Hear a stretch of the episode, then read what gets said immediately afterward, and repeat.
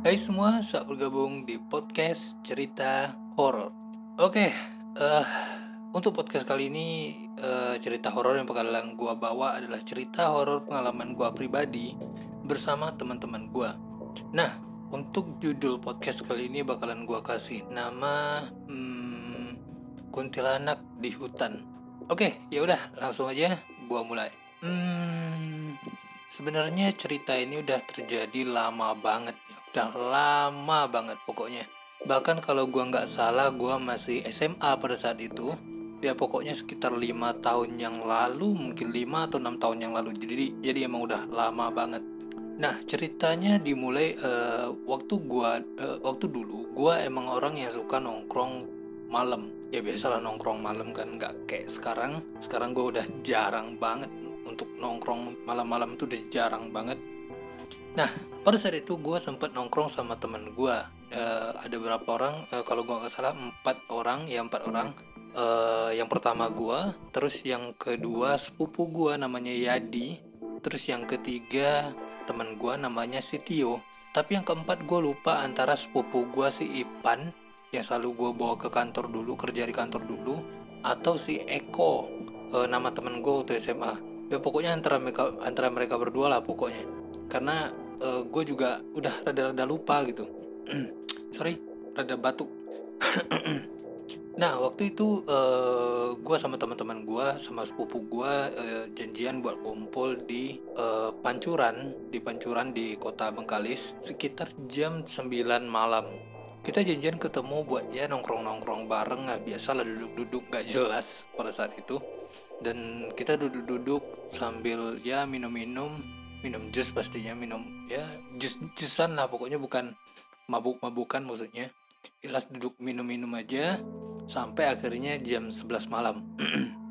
Setelah jam 11 malam, uh, mulai nih uh, area perkotaan udah mulai sepi kan, karena ya bagi kalian yang nggak tahu di area Bengkalis Riau, Pulau Bengkalis, uh, aktivitas sudah pada sepi kalau udah jam-jam 12-an. Pokoknya jam 11 ke atas 11 uh, pokoknya udah lewat jam 11 itu udah sepi. Motor paling-paling ya lewat sesekali aja. Nah, jadi pada saat itu berhubung kita pada belum mau pulang jadi ya udah kita putusin sama-sama buat ya keliling-keliling dulu lah jalan-jalan dulu nah gue mulai uh, uh, gue sama teman-teman gue mulai dari uh, area perkotaan menuju area uh, mau menuju ke Pengka, uh, Pangkalan Batang nama sebuah daerah di Bengkalis.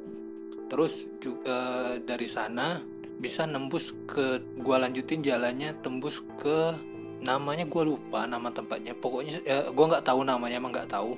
Tapi sering disebut eh, nama jalannya itu jalan JB jalan baru. Karena berhubung emang dulu jalan itu jalan ba emang jalan baru dibikin. Jadi makanya disebut jalan baru untuk namanya sendiri gue nggak tahu. Bahkan sampai sekarang. Nah di jalan baru itu eh, emang nggak ada rumah sama sekali. Jadi sepi banget. Emang cuman ya perkebunan karet lah pokoknya. Dan di sana uh, sering dijadi sering dijadiin tempat nongkrong. Kalau seandainya sore atau siang. Alasannya karena ya biasalah dulu hmm, anak-anak hmm, yang yang suka balap-balapan gitu kan. Karena jalannya bagus emang bagus dulu. Kalau sekarang udah mulai udah mulai rada rusak tapi nggak parah lah paling yang nggak rata lagi tapi nggak ada lubang sama sekali masih masih lumayan lah. Dan pada saat itu emang jalannya masih bagus jadi sering anak-anak e, pada nongkrong di sana untuk balapan. Jadi pada malam itu kita lewat di sana e, ada tempat namanya itu di jalan baru itu ada tempat namanya God. God God itu maksudnya parit. Ada parit di sana yang e, di pinggirnya itu bisa tem ada ada tempat untuk bisa duduk lah di sana dan pada malam itu nggak tahu kenapa tiba-tiba kita malah berhenti di sana dan duduk. Padahal pada saat itu udah hampir jam 12 malam nggak tahu lah emang. Gue juga bingung sih kenapa gue sama teman-teman gue bego banget sih jam 12 malam. Malah pergi ke tengah-tengah hutan gitu. Ya emang nggak ada rumah sama sekali. Mungkin uh, dari spot kami duduk sekitar satu satu kilometer baru bakalan ketemu sama yang namanya rumah.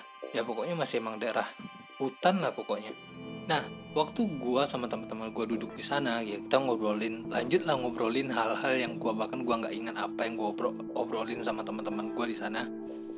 sampai tiba-tiba begitu udah jam 12 lewat gue yakin udah jam 12 lewat yakin banget lah gue uh, tiba-tiba waktu uh, tempat kita duduk di atas uh, ada uh, di belakang tempat kita duduk kayak di seberang parit di seberang parit selokan itu ada sebuah pohon yang emang gede banget. Emang pohonnya gede uh, pohon karet pohon getah dan tiba-tiba uh, dedaunan pada pohon itu mulai goyang gitu. Pertama sih gue uh, tem teman gue ngerespon si Tio namanya si Tio. Ini angin nggak ada kok pohonnya goyang ya? Ya gue uh, gua sama teman-teman gue yang lain sama sepupu gue kan ngeliat ya juga ya mungkin angin di atas kali gue bilang kan. Terus gue lihat nih ke bagian ke bagian seberang jalan ke seberang jalan ternyata pohonnya nggak goyang sama sekali. Dan pohon yang lain emang satu pun nggak ada yang goyang. Yang goyang cuma pohon yang ada di belakang eh, di seberang parit tempat gue sama teman-teman gue duduk. Nah, mulai saat itu ya ini yang lain teman-teman gue udah pada panik, uh, termasuk gue pastinya udah pada udah panik. Gue takutnya sih entah ada monyet karena monyet atau kera di sana kan emang gede-gede, jadi ya gue em emang rasa takut. Saat itu takutnya ada monyet atau apa gitu kan malah nyerang kita gitu. Dan kita nggak ada megang senjata apa-apa dan bahkan kayu sulit untuk ditemukan di sana. Nah, terus tiba-tiba uh, begitu kita semua ngeliat ke sana sekitar 2 sampai 3 menit gitu udah berhenti itu goyang. Dan ya udah kita lanjutin ngobrol lagi lanjutin ngobrol lagi. Tiba-tiba kami semua mendengarkan suara kayak tangisan atau lolongan gitulah kayak cewek intinya.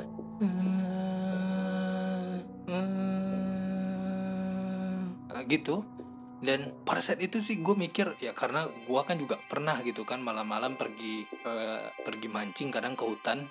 Dan karena gue sering dengar suara itu dan dibilang katanya itu musang. Karena musang suaranya katanya kayak begitu mungkin karena gue gue juga nggak tahu ya tapi dibilang waktu gue pernah mancing dulu gue mancing sama salah satu saudara gue dia bilang itu suara musang itu.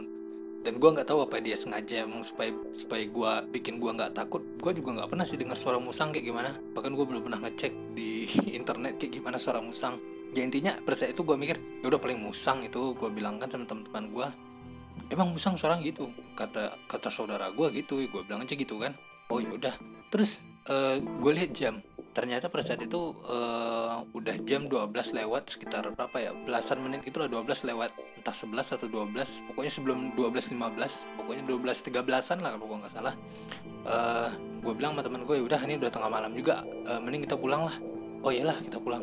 Waktu gue bangun sama teman-teman gue udah bangun dari tempat duduk kita tiba-tiba pohonnya di atas kita itu tiba-tiba goyang lagi goyang lagi dan kita merhatiin lagi. Ini kayaknya bukan monyet deh bilang gitu kan apa nih apa nih apa nih? Tiba-tiba emang serba tiba-tiba melintas kayak gimana ya kayak burung mungkin burung gede banget kayak angsa gitu e, dari seberang jalan menuju ke pohon yang kita yang kita lihat gitu. Tapi begitu sampai langsung hilang gitu aja. Pokoknya warna putih gitu kayak angsa putih gitu. Sambil ngeluarin suara cekikikan gitu nah ini mulai nih panik nih panik. Udah udah udah siap siap siap. Kita mutar putar mutar dulu putar mutar dulu. Pas lagi mutar tiba-tiba lagi ranting yang ada di batang pohon uh, yang di pohon yang kita, tempat kita duduk ini di bagian seberang selokan ini patah dan jatuh sekitar uh, 2 meteran dari kita naruh motor. Pada saat kita lagi kita jelas kan lagi saat itu gue sama teman gue ini lagi di motor emang lagi mutarin motor tiba-tiba ada dahan yang jatuh. Ya dahan atau apa ya dahan lah ya dahan. Bukan ranting kalau ranting kecil kan kalau dahan kan gede. Pokoknya ukurannya sekitar ya uh, seukuran lengan gue gitulah. Kecil sedikit dari lengan gue nah gue kira ini uh, iya mungkin nih monyet atau apa nih bisa patah kayak begini kan?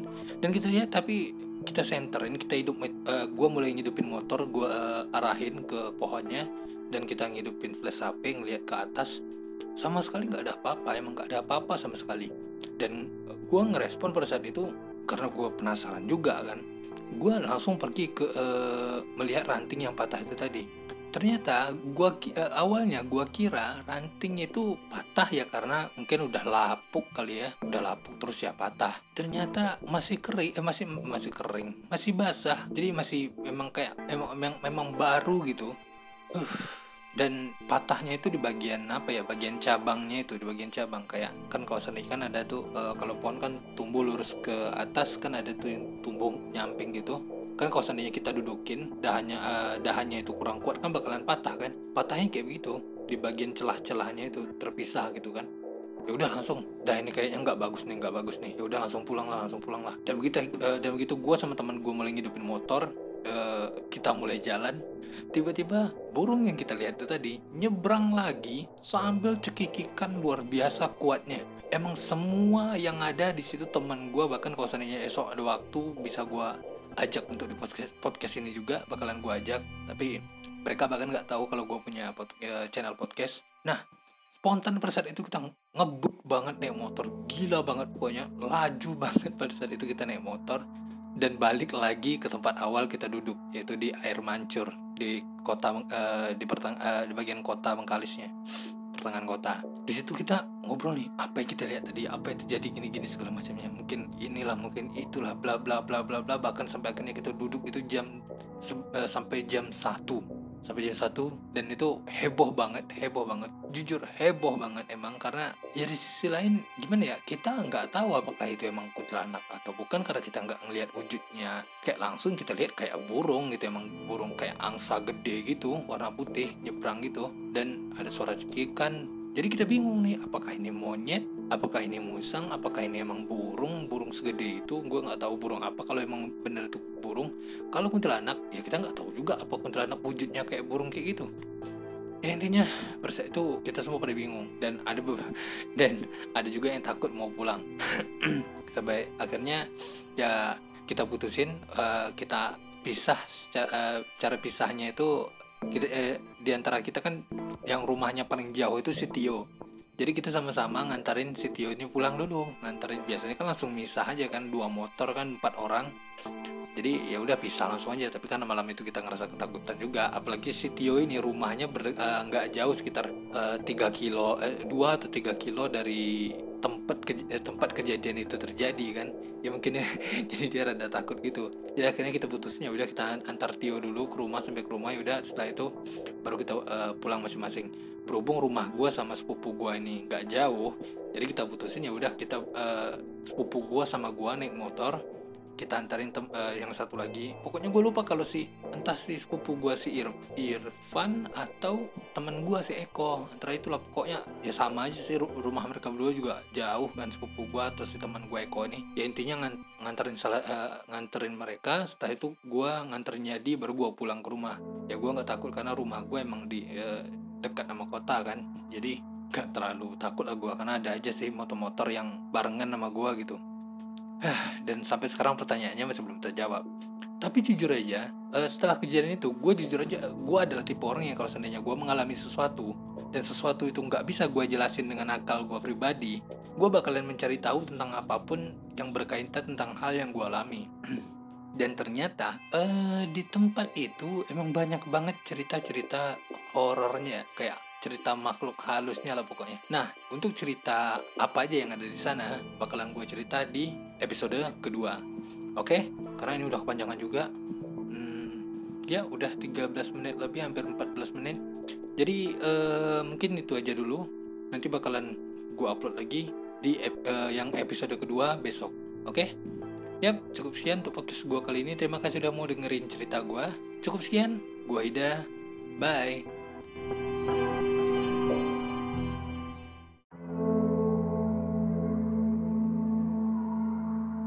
Hai semua, selamat bergabung di podcast cerita horor. Oke, uh, ngelanjutin episode yang kemarin. Jadi sekarang episode kedua tentang hmm, kuntilanak di hutan.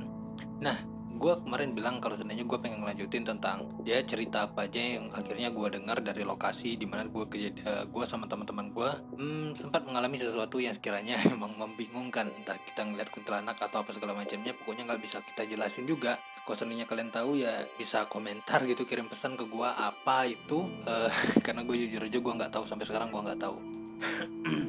Nah langsung aja gue mulai ceritanya oke? okay? Jadi gini, setelah kejadian itu, sekitar uh, eh, 3 sampai 4 hari setelah kejadian itu, gue sempat ceritain kejadian tersebut ke uh, abang sepupu gue yang orangnya emang suka jalan-jalan lah pokoknya saking saking sukanya jalan-jalan dia emang banyak kenalan banget hampir hampir di setiap lokasi area Bengkalis ini pasti dia punya temen lah. Pokoknya emang emang orangnya emang kayak gitu. Jadi akhirnya gue cerita sama abang sepupu gue tentang lokasi di mana gue ngalami kejadian yang membingungkan itu uh, gue sebutin aja lagi lokasinya lokasinya itu ada di uh, area Kelapa Sari Jalan Baru atau JB singkatannya di uh, got atau parit atau selokan. Nah, setelah gue ceritain apa yang terjadi di sana, uh, terus abang subuh gue nih ketawa ngakak banget di ketawa. Dan gue tanya kenapa kok bisa-bisanya ketawa gitu kan, gue bingung kan. Dia bilang kok uh, kalian ngapain? Gitu? Dia bilang sama gue, kalian ngapain duduk di sana tengah malam? Gitu? Kalian nggak tahu ya sama tempat itu emang benar-benar parah untung aja kalian nggak hilang kalian di sana. Hah? Maksudnya? Gue gue gue juga bingung gitu kan. Maksudnya apaan? Hilang hilang maksudnya hilang kenapa? Gitu. Nah, terus abang sepupu gue mulai ceritain tentang hal-hal yang eh, hal-hal mistis yang pernah terjadi di sana gitu. Dia pernah uh, dia bilang ke gue kalau di sana emang terkenal dengan yang namanya uh, ada bukan hantu ya, bahkan orang sana juga pada bingung. Mereka nyebut nyebutnya uh, keranda terbang. Ada kayak sering kali orang yang di, orang yang lewat sana sering banget ngelihat ada sebuah keranda. Kalian tahu keranda kan untuk untuk bawa mayat gitu, untuk bawa mayat ke kuburan mereka uh, ada beberapa orang sana itu yang pernah melihat sebuah keranda terbang melintasi jalan itu dan ya jujur aja gue juga nggak tahu sih uh, apakah cerita itu benar apa kagak itu yang dijelasin sama abang sepupu gue nah terus juga di sana ada juga cerita tentang uh, babi berantai. Maaf ya bukan gue yang caci maki atau enggak. Emang namanya babi berantai. Nah gue tanya nih tentang uh, apa namanya tentang keranda terbang nih. Emang keranda terbang nih kenapa? Yang nggak ada sih cuman eh, kata sepupu gue emang yang nggak ada sih cuman nakut nakutin aja heran kok bisa keranda terbang gitu? Dan ya pokoknya katanya nyerimin lah gitu segala macamnya. Kayak gitu ya diceritain. Nah terus gue tanya lagi ada cerita yang lain apa kagak? Uh, terus juga dia bilang kalau seandainya di sana itu ya sering kali kalau seandainya orang lewat emang selalu orang lihat kalau seandainya kayak ada bayangan putih-putih gitu yang selalu ada di pinggir jalan. Dan lokasinya adalah tempat kita duduk ya tempat gua sama teman-teman gua duduk. Jadi ya katanya ya mungkin anak lah mungkin katanya kan. Karena dia juga juga nggak pernah ngeliat kan jadi dia nggak berani ngeklaim gitu juga. Dan ya akhirnya hmm, gue mikir ya mungkin aja sih yang gue lihat kemarin sama teman-teman gue emang kuntilanak mungkin ya mungkin. Gue masih bilang mungkin. Ya karena jujur aja sih gue masih uh, kayak kayak kuntilanak pocong apa segala macamnya gue juga gimana ya bilangnya ya? Hmm, percaya apa kagak ya? Ya pokoknya gitulah masih membingungkan gitu di kepala gue karena gue belum pernah ngeliat secara langsung juga uh, mungkin gue pernah ngeliat yang aneh-aneh gitu. Tapi gue nggak tahu lah apa itu kuntilanak apa itu segala macamnya gue juga nggak tahu mungkin kayak ada yang putih-putih gitu di pinggir-pinggir jalan ya gue pernah lihat tapi gue nggak tahu juga apa itu kuntilanak atau apa segala macamnya. Gue males juga mikir kayak begitu kan. Nah setelah dari uh, eh, gue dengerin cerita dari abang sepupu gue sampai akhirnya uh, setelah sekitar uh, hampir satu tahunan gitu pas lebaran. Nah sampai waktu lebaran gitu.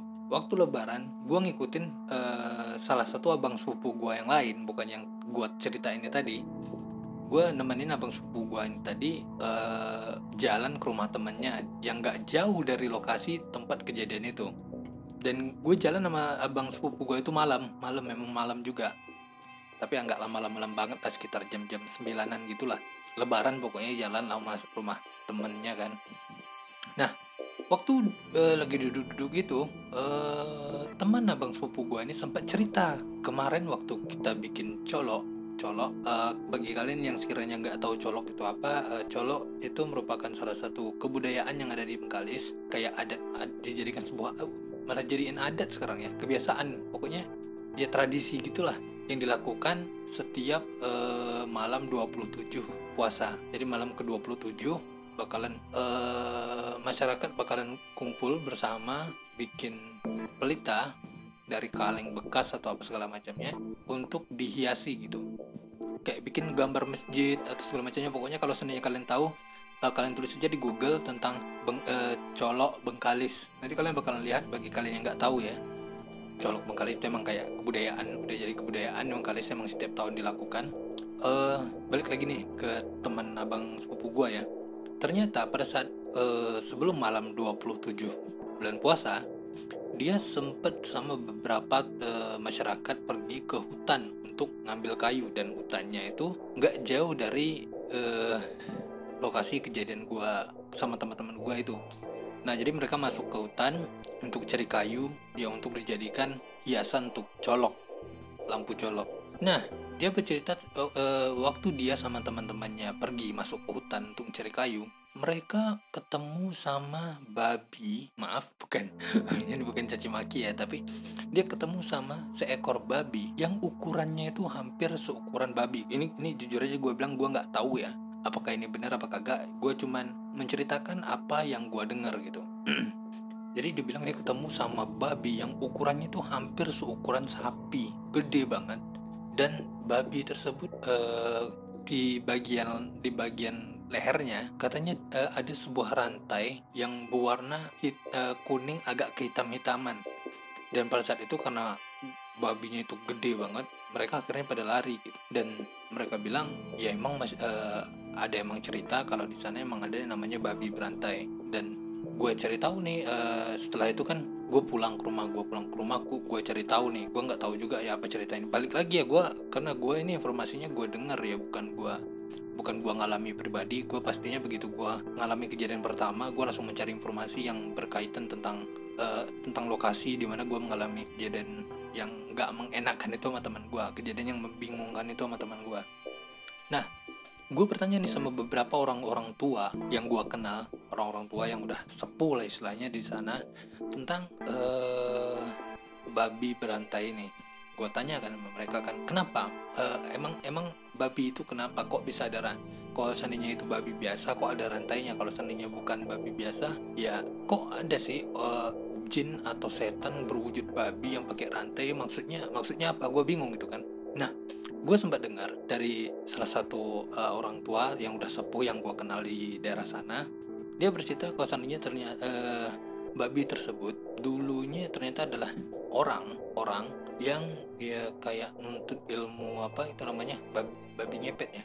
Ya ilmu ngepet gitu. Ya siluman lah intinya siluman ya.